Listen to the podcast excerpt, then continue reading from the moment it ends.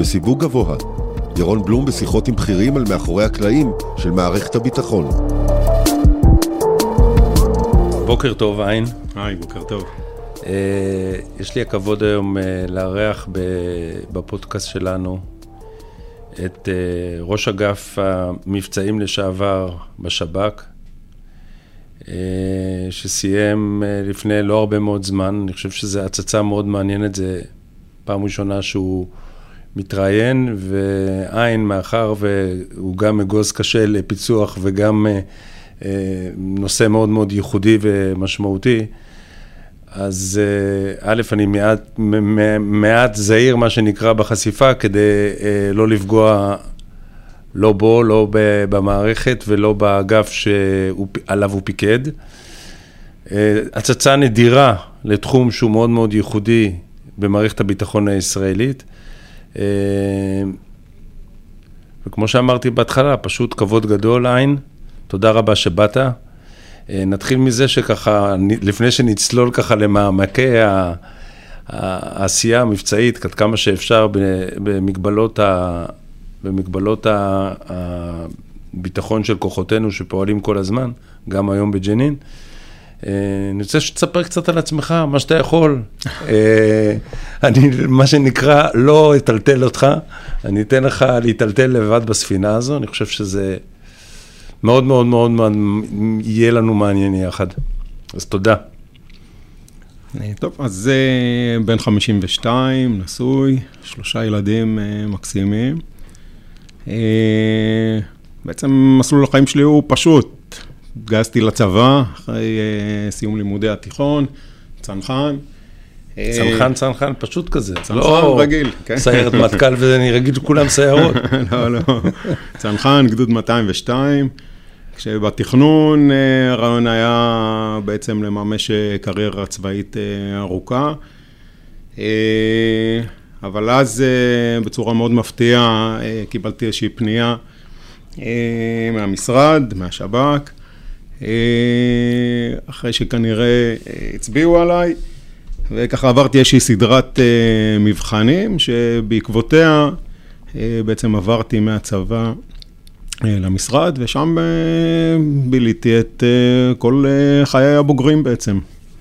אבל אני חייב ככה בשביל העניין, כי צעירים, אין לי ספק שצעירים ישמעו אותנו, ויש לך ולי עניין גדול מאוד שהצעירים האלו יבואו, אותם אלו שמטילים יגיעו, ל... יגיעו וישרתו בשירות, כי אני חושב שזה אחד מהתפקידים היותר מרתקים שיש בליבה המבצעית מודיעינית של השב"כ. ספר קצת מה זה, מה, מה זה המסלול הזה, מה זה המסלול הזה של, אתה אומר, מבצע בשב"כ, מה, מה אפשר לספר ולגרות את החברים הצעירים שיבואו בהמוניהם אחרי הפודקאסט הזה, אה, מה אתה יכול לספר לנו? אני מכיר, אבל מה, מה, מה אתה... אז אני קודם כל אה, אולי אקדים ואומר, אה, לפני שצוללים רגע למסלול של אנשי המבצעים בשירות, של מה זה בכלל השירות עבורי. בסוף זה קודם כל המקום שבו אתה יכול לממש את הייעוד הציבורי שלך. בסוף בן אדם בא לעולם, יש לו ייעוד. בסדר? אני מניח שכשהוא יצטרך לתת לעצמו דין וחשבון, ככה לפני שיחזיר את נשמתו, הוא לא ישאל את עצמו כמה פעמים הוא היה בחוץ לארץ, או על איזה מכונית הוא נסע, הוא ישאל את עצמו האם הוא את הייעוד שלו בעולם הזה מימש. והייעוד בסוף יש בו שני חלקים, יש בו את הייעוד הפרטי, באת לעולם כדי לקיים את הדור הבא, אבל יש בו את הייעוד הציבורי. וזה אולי עסק טיפ-טיפה יותר uh, מורכב. ובסוף, uh, לפחות אני עם עצמי הגעתי להחלטה שהייעוד הציבורי שלי הוא בעצם להיות מהמקיימים של החברה הישראלית. Uh, וכדי לעשות את זה אפשר כנראה ללכת להרבה מאוד תחומים, הרבה מאוד אנשים, בהרבה מאוד כיוונים. הם מקיימים את החברה הישראלית. כל אחד בתחומו, וזה לא משנה כרגע אם זה ביטחון, כמו ש... אה, לי יצא אולי לעשות, או חינוך, או בריאות, או כל עשייה אחרת. אה, אבל מה שחשוב זה שקודם כל תבין שזה הייעוד שלך. ובשורה התחתונה, השירות בעיניי זה אחד המקומות המשמעותיים ביותר, בו אתה יכול להביא לידי ביטוי את העניין הזה, להיות מהמקיימים של החברה הישראלית. והשירות אה, עושה את זה, אחד, כי הוא מבין מה תפקידו, וזה לא תמיד פשוט להבין מה תפקידך. בטח לא בימים אלו של המהפכה המשפטית או המחאה הציבורית. ו... נכון, אתגרים יש הרבה, אבל בסוף השירות הוא גוף שיודע מה תפקידו. מה המיקום שלו בתוך ההוויה הישראלית הכללית, מה המיקום שלו בתוך הקהילייה הביטחונית. הוא יודע על מה הוא מופקד, הוא יודע איזה כלים עומדים לרשותו, יש לו את השיטות שלו, ויש לו, וזה הכי חשוב, את האנשים שמבינים שזה תפקידם, עושים את זה במסירות באמת אה, יוצאת דופן, וכך הוא בעצם עומד בייעוד. אז בשבילי, קודם כל, השירות זה המקום שבו אתה יכול לממש את הייעוד הזה.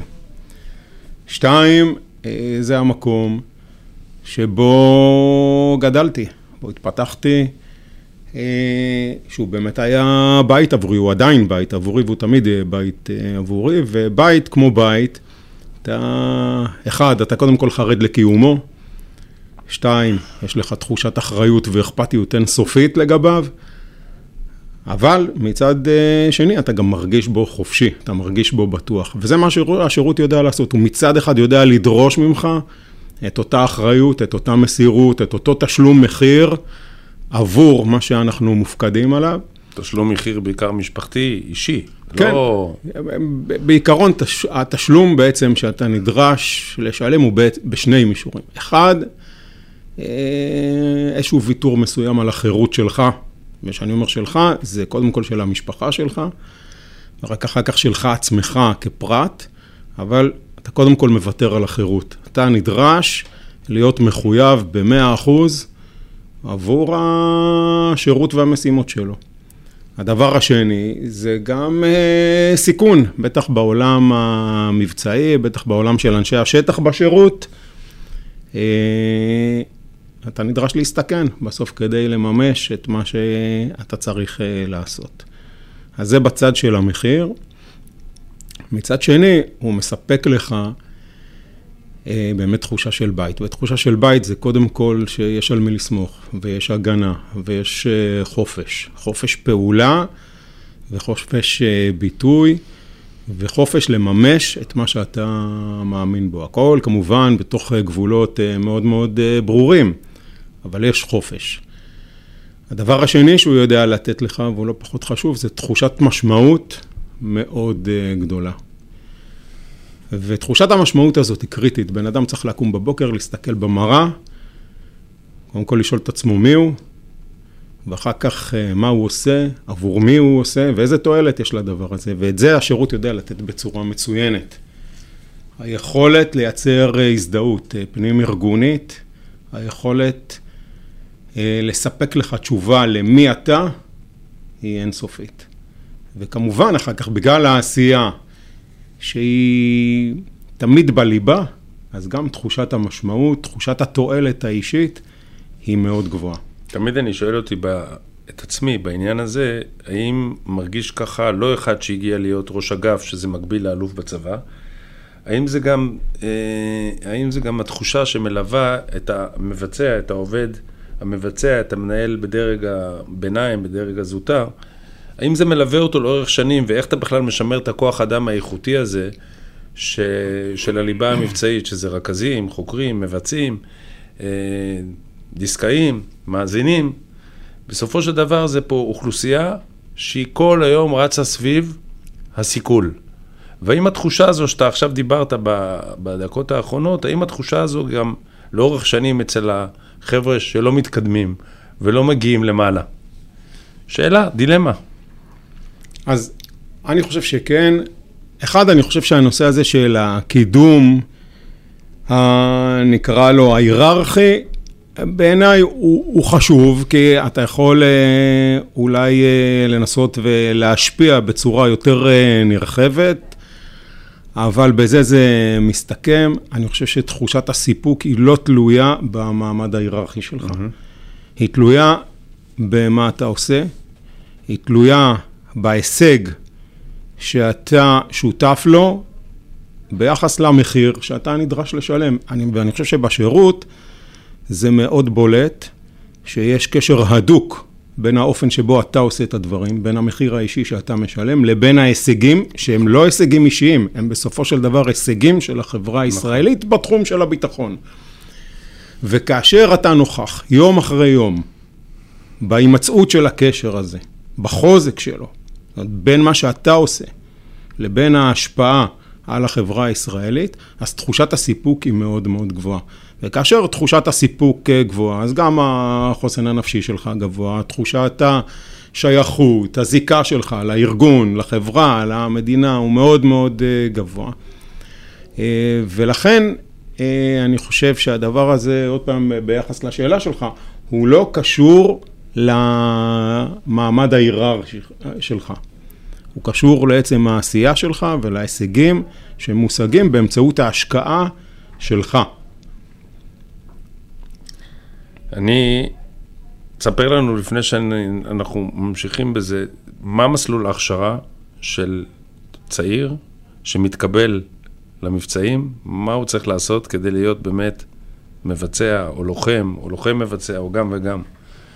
איך זה, איך, איך, זה, איך זה הולך בפרקטיקה, אתה יודע, שאתה הולך להיות רכז חוקר, אתה הולך לקורס, אתה הולך לאולפן, אתה הולך אחרי זה לומד את השפה, אחרי זה אתה הולך להכשרה אה, מבצעית שמכשירה אותך להיות בסוף רכז שטח, מה קורה במבצעים?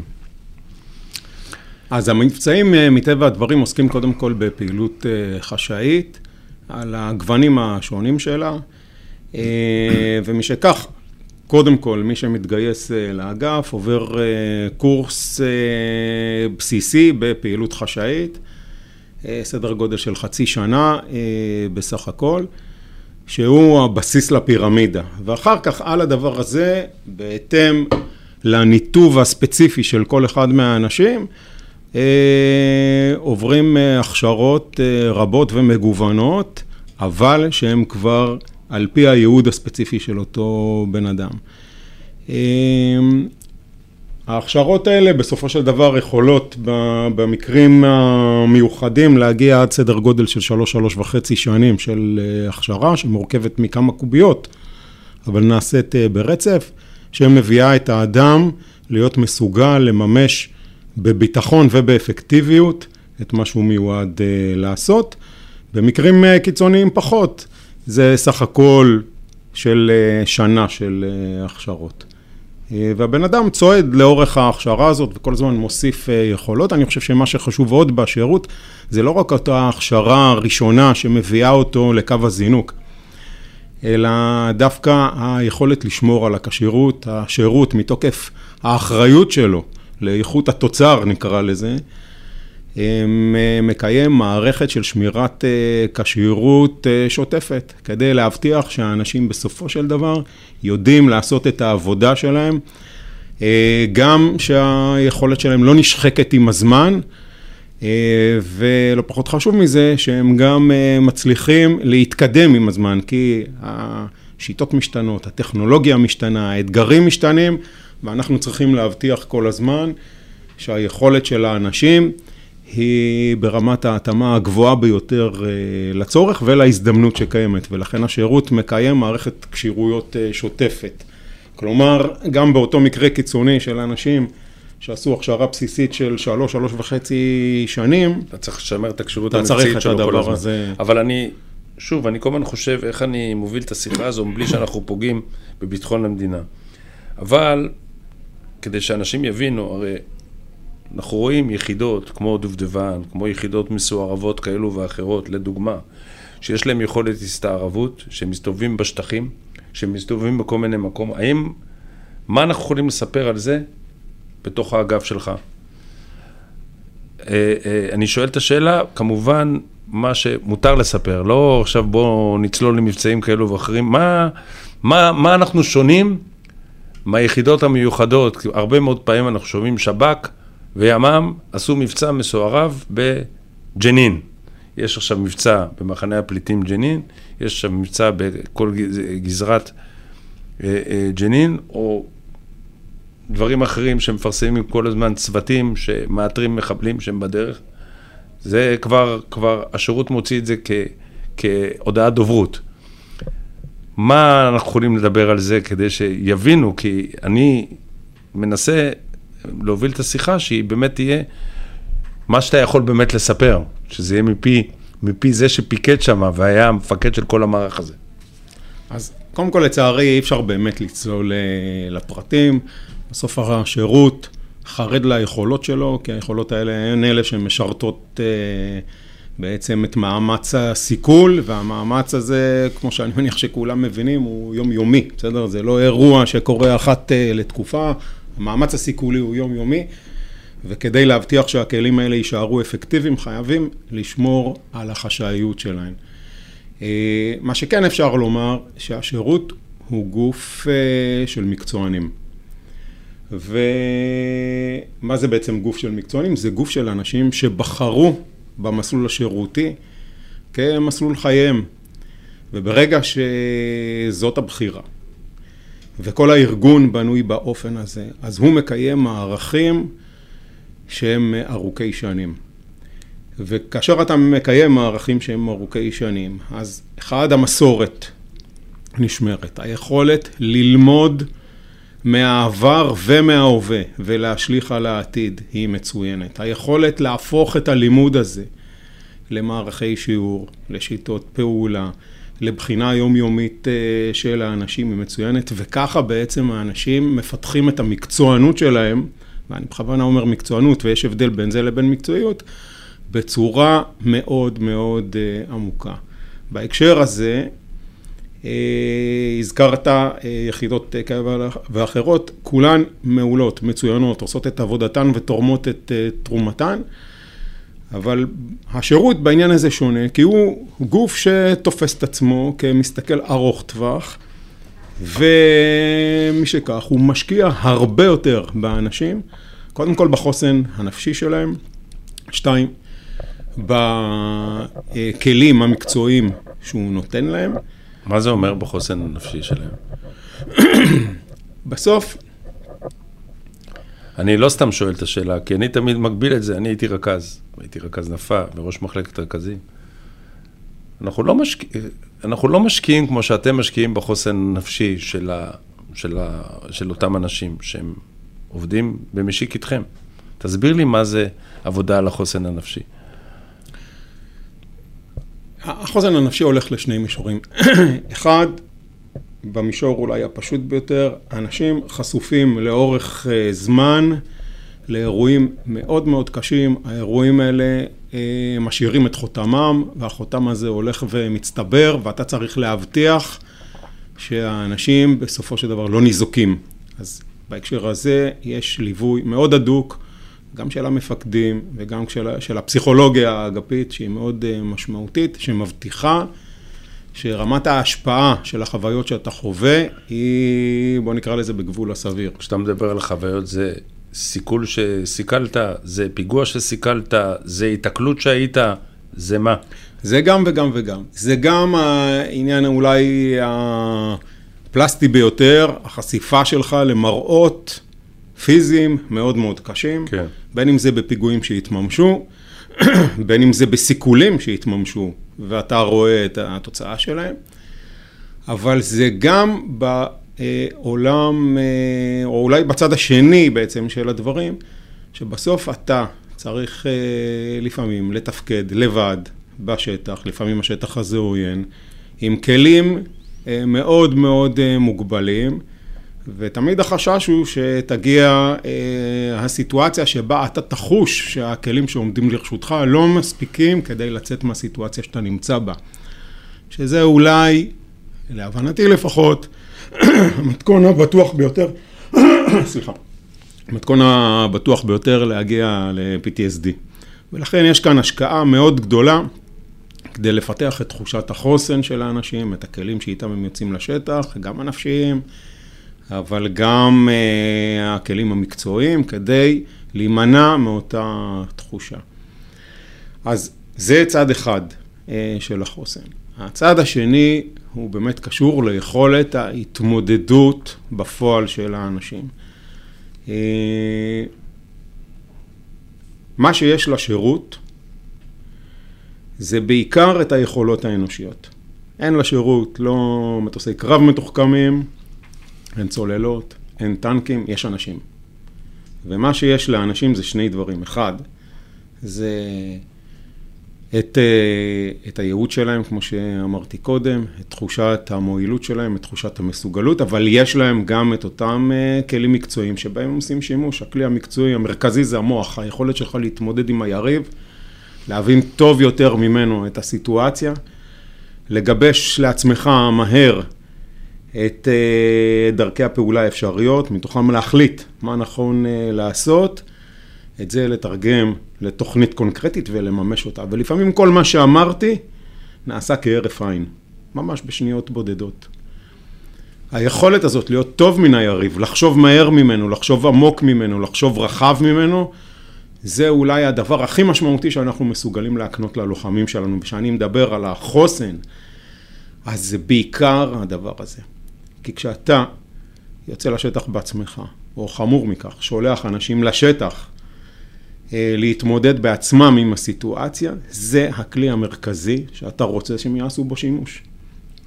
וצריך לעבוד קשה לאורך כל השנים כדי לפתח את היכולת הזאת, כדי להבטיח שהיא נמצאת תמיד במצב האופטימלי שלה. כי זה הכלי, זה הנשק שלנו. אז אה, בזה אנחנו עוסקים חלק גדול מזמננו. וכמה הטכנולוגיה באמת משרתת את הלוחם בסוף, את הלוחמים בשטח? הטכנולוגיה בשב"כ משרתת את הארגון כולו, ובוודאי משרתת את הלוחמים בשטח. ואני חושב שגם מה שיפה בעניין הזה של השירות כולו, אבל של אגף המבצעים בפרט, זה היכולת לקחת טכנולוגיה שהיא לא בשלה, שהיא בחיתולים שלה, שבחלקה היא בכלל חזונית. אה, לקחת אותה בשלב מאוד מאוד התחלתי, ובזכות המיומנות הגבוהה של האנשים, אה, שפועלים בסוף בשטח, בסיוע של הטכנולוגיה הזאת, להיות מסוגלים לפצות על פערי הבשלול של הטכנולוגיה, ולהשתמש בה באופן מיטבי, כדי להשיג את התוצאות המבצעיות. לנו זה מאוד מאוד חשוב, כי שימוש בטכנולוגיה כזו שהיא לא בשלה, זה אומר שהיריב עדיין לא מכיר אותה, הוא לא יכול לקנות אותה בעצמה, הוא לא יכול ללמוד אותה, הוא לא יכול להתגונן עדיין מפניה. היא גם לא נשחקת על ידי שימוש אינסופי שעושים גופים אחרים בטכנולוגיה הזו, ולכן לנו בהקשר הזה תמיד חשוב להיות לפני כולם. אבל עוד פעם, זה מחייב מיומנות מאוד מאוד גבוהה של האנשים, שיודעים לפצות באמצעות הכישורים שלהם והמיומנות שלהם על הפער של הבשלות הטכנולוגית הזאת. בשירות יש אגף טכנולוגיה מפואר, יש בו אנשים, קודם כל, שהם uh, מבינים בדיוק את המשמעות של התפקוד שלהם, מבינים מה המשמעות של הטכנולוגיה שהם מפתחים ומייצרים, ומבינים איך בסופו של דבר היא באה לידי ביטוי וחוסכת חיי אדם של האנשים שעליהם כולנו מגינים. ולכן האנשים האלה, שכנראה יכלו למצוא לעצמם אה, בקלות מקום הרבה יותר נוח ואולי גם יותר מתגמל חומרית בעולם ההייטק הישראלי, בוחרים בכל זאת לעשות את מיטב שנותיהם בשירות, לוותר אולי על חלק מהתגמול החומרי הזה, אבל לקחת חלק באותו מאמץ מלחמתי שעליו דיברנו בתחילת כן. השיחה שלנו. וזה מדהים בעיניי. חד משמעית. גם ההתממשקות בין אגף הטכנולוגיה לאגף המבצעים זה משהו שבן אדם מבחוץ לא יבין את זה, כי בסך הכל זה חבר'ה גם שמסתובבים איתכם, והם מגיעים לחפ"קים, ומגיעים לפעמים לשטח, כדי לראות באמת מה הצרכים שלכם, ועל בסיס הצרכים, לא רק באופן אה, אה, אה, אילוסטרטיבי, שבן אדם מסביר לו מה הצורך, הוא בא, רואה ומפתח. זה משהו שהוא מאוד מאוד מרשים, שאתה רואה בתוך השירות. כמה זמן לוחם יכול להישאר לוחם? כל זמן שהבריאות מאפשרת, הוא יכול להישאר לוחם. כל זמן שהמוטיבציה קיימת, כל זמן שהוא מועיל, הוא יכול להישאר לוחם. אבל בפרקטיקה, אנשים מחזיקים מעמד בשטח כמה שנים? גם 30 שנה ויותר, אין שום בעיה. זאת אומרת, שימור עובדים זה אחד הדברים הבולטים באגף הזה, אפשר להגיד את זה. כן. הרצון להשתייך ולא לעבור לאגפים אחרים, כי בן אדם שהיה מבצע יכול מחר ללכת לקורס רכזים להיות רכז, או חוקר, או דיסקאי, אבל אין, אין את המעבריות הזו כמעט. יש כן. ללימודים, יש ליציאה לחו"ל, לשליחות כזו או אחרת, אבל, אבל, אבל אתה לא מזהה מהאגף הזה נשירה לאגפים אחרים, כמעט ולא. היא קיימת מטבע הדברים, אבל היא בהיקפים מאוד מאוד נמוכים. אני יכול אה, לדבר על עצמי ועל החברים שלי. בסופו של דבר, אמרתי קודם, בן אדם צריך לקום בבוקר ולשאול את עצמו מי הוא, איך הוא מביא תועלת, באיזה אופן הוא עושה את זה. אני יכול uh, לומר שבשלושים השנים שחלפו מיום הגיוס שלי לשירות, uh, עד היום, למרות שאני לצורך העניין כבר uh, במילואי השירות ולא עובד uh, פעיל בשירות, כשאני קם בבוקר ומסתכל במראה ושואל את עצמי מי, מי זאת הדמות הזאת שאני רואה, אז אני אומר, uh, קודם כל, אני לוחם באגף המבצעים בשירות, גם כשאני היום אזרח. ואני לא אה, עובד פעיל, כמו שאמרתי, אלא רק במילואים. זאת ההגדרה העצמית שלי. אני לוחם ואין לך שום בעיה, ואין לך שום בעיה, למרות שהיית מקביל לאלוף, אין לך שום בעיה היום ללכת, לחזור להיות במילואים, לוחם. אני לוחם. ככה הגעתי לשירות. זאת הייתה המטרה שלי. מה זה נקרא לא עולה לך לראש? זה, לא, זה, זה שהתפתחתי ניהולית, זה בסדר גמור, אני מקווה שזה גם אה, אה, סייע בידי השירות, אבל בבסיס, כאדם, נשארתי אותו לוחם. עם זה הגעתי לשירות, עם זה יצאתי מהשירות, ואני גאה על המסלול הזה, ואני גאה להמשיך ולהשתייך, ודרך אגב, זה לא טריוויאלי בכלל. נכון. שגם האגף, מקדם את זה בברכה, ומשאיר את האנשים, נכון, ומפתח אותם. ולא רואה בהם איום. ממש לא, אין שום איום. בסוף אין שום בעיה, זה לא משנה, תראו, בסוף אה, באגף הזה ובשירות, אני חושב שההיררכיה היא ברורה. בסוף יש אחד שמקבל את ההחלטה בכל רגע נתון, וכולם מצדיעים ועושים את העבודה. עד אז מתווכחים אה, ומתעקשים, הכל ברור. אבל once יש החלטה, כולם כאיש אחד. הולכים ועושים את העבודה. ההיררכיה היא ברורה, אבל אין מעמדות. זה לא עניין מעמדי. זה שיש היררכיה וברור מי קיבל את ההחלטה ומי מממש אותה, זה לא אומר שיש כאן מעמדות. אין מעמדות. ו... ולכן זה בכלל לא משנה, הייתי ראש אגף, מעולה, חזרתי להיות לוחם, מעולה, הכל זה, בסדר. זה, זה מדהים בעיניי. זה מדהים וזה לא קיים בארגונים אחרים שאתה מסתכל עליהם, זה לא קיים בצה"ל זה לא קיים ב, ב, בארגונים ביטחוניים אחרים, כמעט ולא קיים. אה, זה בהחלט קיים בשירות ובאגף שלכם באופן ספציפי, וזה גם קיים ב, ב, ב, בטח במוסד, אבל, אבל זה לא קיים, אה, וזה מאוד מאוד יפה בעיניי. אני רוצה אבל לצלול אותך רגע לסוגיה של סיכולים ממוקדים. כי בסך הכל אה, האגף הזה מוביל את הנושא של סיכולים ממוקדים, אם זה, אם זה בכלים צה"ליים, אם זה בכלים אחרים, מה שאתה יכול לספר, תספר לנו קצת. אז קודם כל, למה זה חשוב? למה זה חשוב הסיכול הממוקד? כן, למה זה חשוב? בסוף, אה, כאשר היריב שלך אה, מרגיש חופשי, וכל המאמצים שלו מופנים לטובת ההתקפה, היכולת שלו לפגוע בך היא קיימת uh, בצורה משמעותית. Uh, הציבור לא מכיר, ואני שמח שכך, אבל המאמצים של היריב, או אולי הוא מכיר ומבין uh, תודעתית, אבל הוא לא חש בזה בפועל, היריב כל הזמן תוקף. הוא כל הזמן תוקף. הוא כל הזמן תוקף כי הוא אידיאולוגי. אה, והאידיאולוגיה שלו אה, מכתיבה לו את העניין הזה. מצד שני גם יש לו ידע ויש לו משאבים, אה, ואותם הוא מנצל. אז כאשר כל המשאבים שלו מופנים להתקפה, חלק מההתקפות שלו בסופו של דבר, למרות המאמצים של כל קהיליית הביטחון הישראלית, חלק מהמאמצים שלו יצליחו להתממש, ואז גם נרגיש את, ה... את נחת זרועו. הדרך הכי אפקטיבית למנוע ממנו לעשות את זה, זה לגרום לו בעצם להפנות את רוב משאביו להגנה ולא להתקפה. ואת זה עושים בהרבה מאוד שיטות, אבל uh, כנראה שהשיטה האפקטיבית ביותר זה לגרום לאנשים להרגיש שהם נרדפים באופן אישי. ושתוצאות של הרדיפה הזאת הן uh, סופיות, בסדר? זה לא להיכנס uh, לכלא למספר חודשים או מספר שנים ולצאת משם לרוב מחוזק. בדרך כלל זה פצצה מתקתקת, זה, שאנשים יבינו מה זה הסיכול הממוקד, זה, זה בדרך כלל, זה לא תמיד, תמיד ולעולם זה לא התחשבנות על העבר, נכון. אלא בעיקר על מה אתה הולך לעשות מחר. ברגע שאתה מתקתק ואתה הולך לבצע פיגוע, או שאתה מחולל פיגועים, או שאתה זה שמנחה את כל העשייה סביב הפיגוע, אז אתה בר אה, משפטית. אתה, אתה מקבל את האישור לבצע את הסיכול הזה, ואין דרך אחרת לסכל אותך, במעצר, בלי לסכן את נכון. כוחותינו וכדומה. יש כללים מאוד מאוד ברורים למה זה סיכול ממוקד, ובסופו של דבר ההחלטה ללכת למבצע מהסוג הזה היא בדיוק בתנאים שאמרת, כאשר אין דרך אחרת.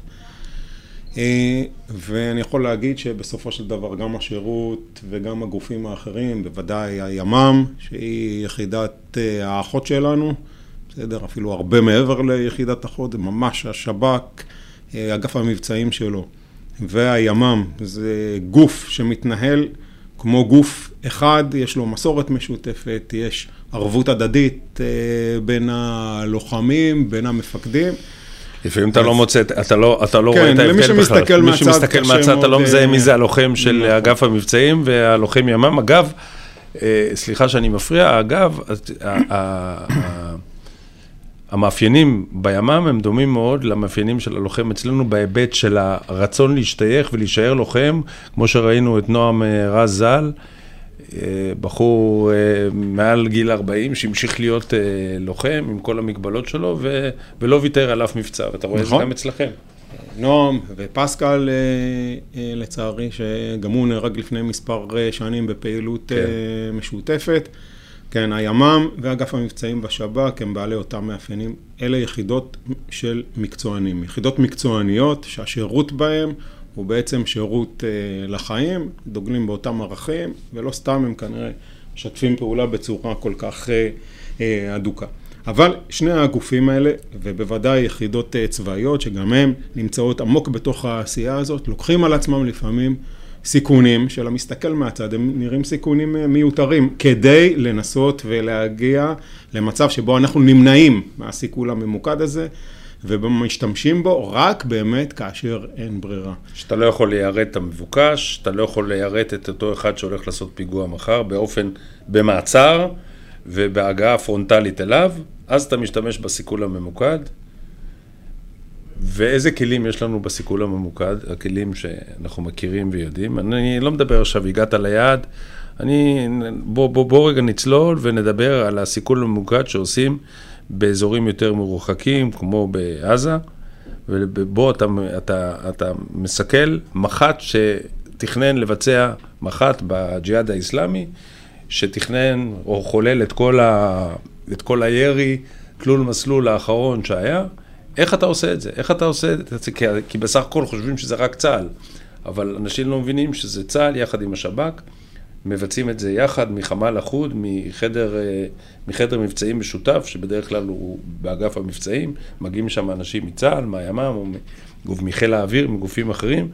איך זה בפרקטיקה נעשה, מה שניתן לומר? אז קודם כל, בכל סיכול כזה יש אה, שני מאמצים. אחרי שהוא עבר כבר את האישור, כן. אחרי- האישור המשפטי, נכון. ואחר כך המדיני. נכון. אז אה, יש שני מאמצים. מאמץ אחד הוא המאמץ המודיעיני, שהתכלית שלו זה לבוא ולומר בצורה מאוד מאוד מדויקת איפה היעד לסיכול אה, נמצא, באיזה תנאים הוא נמצא, האם אה, מסביבו ישנם אה, חפים חפים מפשע? מפשע לצורך העניין, שהם בטח לא צריכים לסבול מכל האירוע הזה. אה, והתהליך הזה הוא תהליך מאוד מאוד אה, ממושך, מאוד רחב, אה, עם השקעה אינסופית של אה, משאבים. ולצד התהליך הזה יש את התהליך ה... של מימוש לצורך העניין אה, ההבשלה. הסיכול. כן, מימוש הסיכול. שפה זה בעצם עוד הפעלת אה, אמצעי הסיכול. והפעלת אמצעי הסיכול הם יכולים להיות אה, מגוונים. זה יכול להיות אה, פצצה שמשוגרת לצורך העניין ממטוס, זה יכול להיות טיל כזה או אחר. אבל יכול להיות גם אה, מטען אה, נפץ כזה או אחר, כמו שאני מניח שהם מכירים, שמוצב בנקודה כזאת או אחרת. אה, האמצעי הזה יכול להיות לצורך העניין שירותי, מא' עד ת', והוא יכול להיות צה"לי, זה לא משנה. בשורה התחתונה, שני המאמצים האלה מבוצעים במקביל. אה, כמו שאמרת, מנוהלים במקום אחד, בצורה אה, אחודה, אה, על ידי כל הגורמים ששותפים למבצע הזה, בדרך כלל באמת מהחמ"ל השירותי, ואני חושב שהדבר החשוב ביותר בו בסופו של דבר זה האחריות שהאנשים שמעורבים בסיכול הזה מגלים. מההתחלה של התהליך ועד סופו, כלומר גם קודם כל מהגדרת אה, היעד, מהתהליך המשפטי שאמרת, המודיעיני משפטי, שהוא עובר בתוך השירות, קבלת ההחלטות בדרג השירותי הרלוונטי לעניין הזה, אחר כך התרגום של זה לתוכנית איסוף מודיעינית מאוד אה, משמעותית, משם לתוכנית אה, מבצעית, משם לפיתוח הכלים הטכנולוגיים או השיטות המבצעיות לסיכול, משם השילוב של הגורמים החברים הנדרשים, בין אם זה צה"ל, בין אם זה הימ"מ. או כל אה, גוף אחר, ומשם בעצם ל, ליום הביצוע עצמו. תחושת האחריות שמלווה כל תהליך, ובמבצע כזה יש המון תהליכים שמוצגים, הוא הדבר המרכזי. המקצוענות אה, שמופגנת היא הדבר המרכזי, ולכן בדרך כלל גם כל הדבר הזה ממומש במקום אחד שמדינת ישראל החליטה שהוא זה שמוביל אותו, בגלל המסורת, הידע, היכולות, השיטות, היכולת לרכז את כולם במקום אחד, לפעול בצורה אה, אחודה. לכן המדינה החליטה שככה זה נעשה. אבל כשיש סיכול ממוקד שכזה, בדרך כלל אם זה מבצע רגיש, אז מגיעים מפקדים מאוד בכירים, הרבה פעמים מגיע ראש השב"כ, מגיע רמטכ"ל, או סגנו, או מפקד הפיקוד הרלוונטי. אה, יש מפקד מבצע שלך, שיושב יחד איתך, אתה מאחורה לא מפריע לו, תאר קצת את היחסים, את הדינמיקה, יכול לשבת ראש שב"כ, שהשניים האחרונים הם אנשי מבצעים, ומדגדג להם הרי, כי בסך הכל הם גדלו כמוך באגף המבצעים, וצמחו עד ל- להיות ראשי אגפים, גם נדב ארגמן וגם אה, רונן בר. אה, איך, ה... איך ההרגשה קודם כל של מפקד המבצע, שזה לא אתה, יש מפקד מבצע אופרטיבי שניהל את כל המבצע הזה, אתה וראש השב"כ. איך זה, וגורמים אמיתיים, כמו שציינת קודם, שהם שותפים והם חלק מהעניין הזה. כי כשאתה אומר, אוקיי, ישבו בחפ"ק יחד כולם, איך זה מתנהל? אז... האם זה מפריע כל הגורמים, כל המבקרים שמגיעים? מה... לא, אני לא חושב שזה מפריע, אני חושב שלהפך, בסופו של דבר, במידה ויודעים להתנהל ביחד, אז אה, זה רק אה, מסייע לקבל בסופו של דבר את ההחלטה הנכונה ביותר. אני חושב שהדבר החשוב ביותר זה הגדרה למפרע של האחריות אה, ושל הסמכות של כל אחד מהגורמים שמעורבים בדבר הזה, ובשב"כ זה מוגדר בצורה מאוד טובה, ומכיוון שגם עושים את הדברים האלה הרבה, אז זה גם מתורגל בצורה מאוד טובה, ואנשים יודעים בדיוק לאן הם צריכים להיכנס ולאן לא צריכים להיכנס, ומכיוון שכמו שאמרתי קודם, ההיררכיה בשירות מאוד ברורה, אבל מצד שני אין עניין מעמדי, אין חשש של אחד אה, מהשני, וכל אחד את דעתו המקצועית יביע באופן הברור ביותר, הנחוש ביותר, יתווכח על אה, עמדתו עד שתתקבל, כמו שאמרתי קודם, אה, ההחלטה, ומבחינתי כראש האגף, זה שראש אה, שירות יושב אה, בחפ"ק, לא כשזה לא מאיים, זה אפילו להפך. זה יכול אה, לעזור. ברור. אה, וראש שירות, גם אם הוא יוצא אגף המבצעים, ייתן את הבמה למי שצריך לנהל את המבצע, לפקד עליו, מבלי אה, להפריע. אתה חושב, עין, שאירועים בחברה הישראלית משפיעים על מקבלי ההחלטה ברמה של אישור מבצעים, כן, לא? בוא ניקח את המצב היום, בסך הכל יש הטוענים, ואני לא מאלו, שחושבים שהמבצע בג'נין לצורך העניין, הוא רץ בגלל המצב הפנימי שלנו והשסע בחברה הישראלית. אתה, אתה מזהה, זיהית כאלו לחצים בעבר, מניסיונך? מבלי להיכנס פה לפוליטיקה, אני רק אומר בצורה שאולי אה, מסבירה את תפיסת עולמי, אנחנו משרתי ציבור. עובדי השירות הם משרתי ציבור, אבל גם המדינאים שמובילים אותנו והם המנהיגים שלנו הם משרתי ציבור, ולא משנה בכלל מהי, מהו שיוכם הפוליטי. ואני נותן לאנשים את הקרדיט שהם עושים את תפקידם נאמנה. שתפיסת עולמם היא שהם צריכים להנציח את uh, קיומה ועצמאותה של החברה הישראלית, וזה מה שהם עושים. ונכון, לכל אחד מאיתנו יש מערכת לחצים שמשפיעה עליו, אבל בסוף, כשבוחנים מהי טובתה של החברה הישראלית, שמים את כל השיקולים האישיים בצד, וזה מה שעושים. אה, בתוך השירות זה בוודאי ככה, ואם זה ככה בתוך השירות, אני נותן את הקרדיט גם לאחרים, שככה הם פועלים. אבל אתה מזהה פחות מוטיבציה ב, ב, או, או פחות היענות להתגייסות ליחידת המבצעים היום? אני לא חושב. אני חושב שעדיין... כי אני, כי אני לא חושב גם, אבל אולי אנחנו חיים באיזה לה לה לנד, כי, כי בסך הכל זה משפיע על כולם, זה משפיע בחברה הישראלית, ביחידות אחי, מדברים על זה, אנשים רוצים למחות, יש כאלו ככה ויש כאלו ככה, אבל האם אתה הרגשת, או אתה גם עושה מילואים היום, האם אתה מרגיש איזושהי ירידה במוטיבציה, או בירידה בהיענות להתגייס?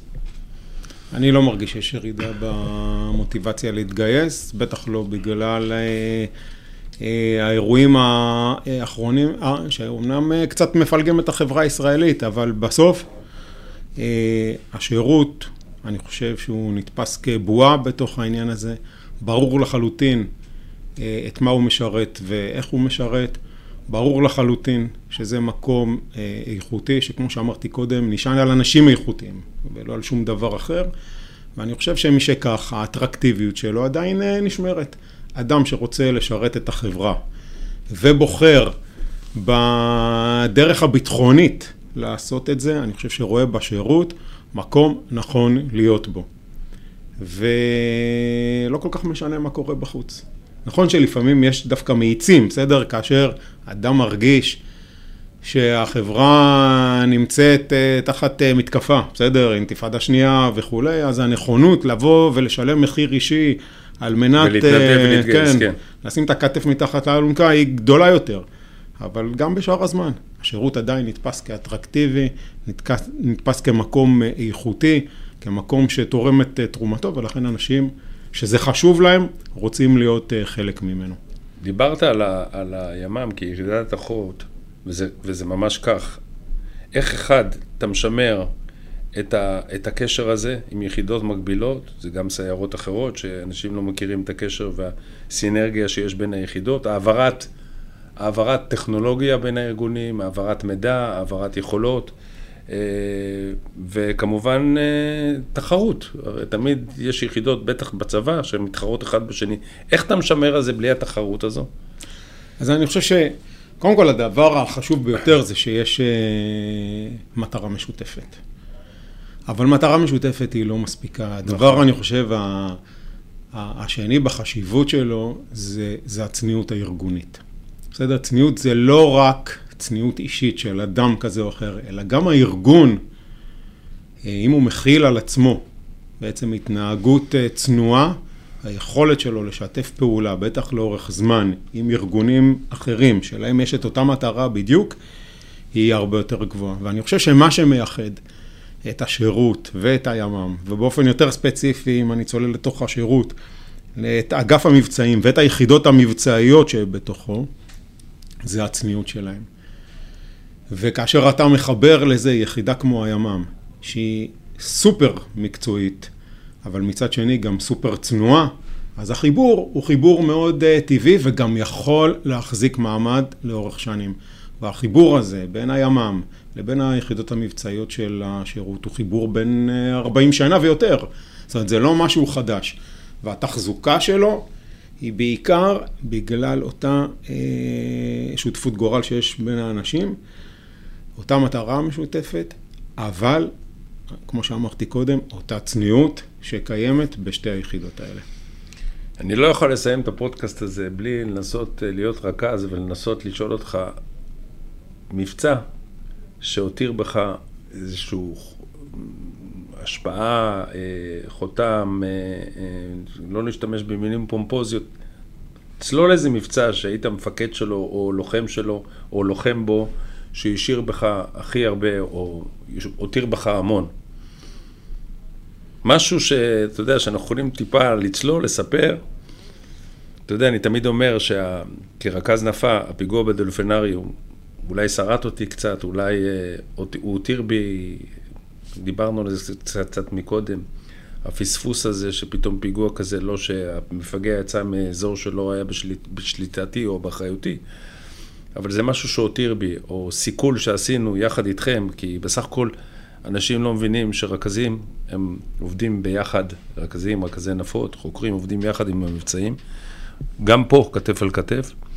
והרבה מאוד מבצעים מבשילים בשטח מהמקור, או מהרכז, או מרכז הנפה, או מהמחלקה, או מהדסק, ועובדים יחד. זה אנשים לא מבינים, ו- ויש הרבה מאוד מבצעים שאני כרכז, אה, מבצעי סיכול, שאני כרכז וכרכז נפה, וגם כרמ"ח אה, אה, מאוד מאוד גאה שהייתי שותף שלהם. והפעם זה פודקאסט שלך, אנחנו מראיינים אותך, אז אני רוצה לשמוע קצת מה הותיר בך איזשהו חוויה יוצאת דופן או משהו מכונן. אז אני לא יכול לדבר על מבצעים אה, מאוד ספציפיים אה, מטבע הדברים, אבל אני יכול להגיד שהם מבצעים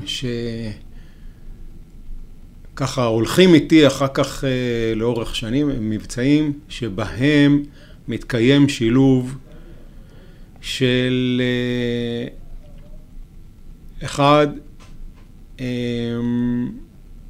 איזושהי הבנה שאם אנחנו לא נפעל, יתממש כאן איום מאוד אה, משמעותי על אה, החברה הישראלית. בסדר, אולי החברה הישראלית נשמע משהו גדול, אבל כאשר אתה יודע שמחבל הולך אה, להתפוצץ בימים הקרובים, ואם אתה לא תעשה משהו, וכשאני אומר אתה, אתה מרגיש שזה ממש מופנה אליך באופן אישי, אם אתה לא תעשה משהו, שרק אתה יודע לעשות. אתה זה היחידה שאתה חלק ממנה, זה האגף שאתה חלק ממנו, זה השירות שאתה חלק ממנו. אז האיום הזה יתממש, אז זה מבצע שיש לו ערך הרבה יותר גבוה. עכשיו, אם על הדבר הזה אני מוסיף גם התמודדות אישית מאוד משמעותית באותו מבצע, כי היה פה אתגר אה, מאוד מיוחד שהיה צריך לפצח, ואחר כך גם התמודדות בשטח שהיא מאוד אישית. שבו היית צריך להפגין את החוסן הנפשי שלך, את המיומנות האישית שלך בביצוע, את האחריות שלך לאנשים שאתה מפקד שלהם אה, בשטח.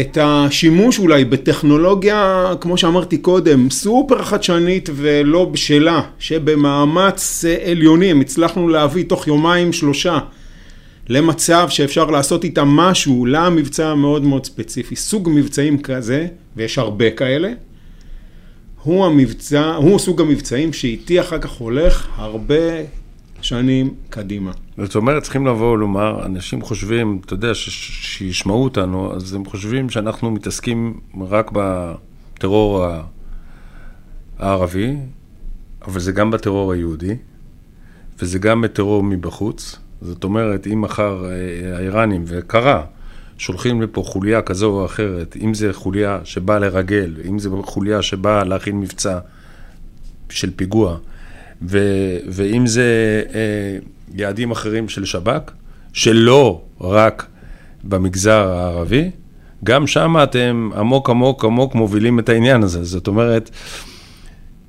אני חושב שהיריעה קצרה מ- מלהכיל את, את תחומי העשייה שלכם כיחידת המבצעים או כאגף המבצעים של שב"כ.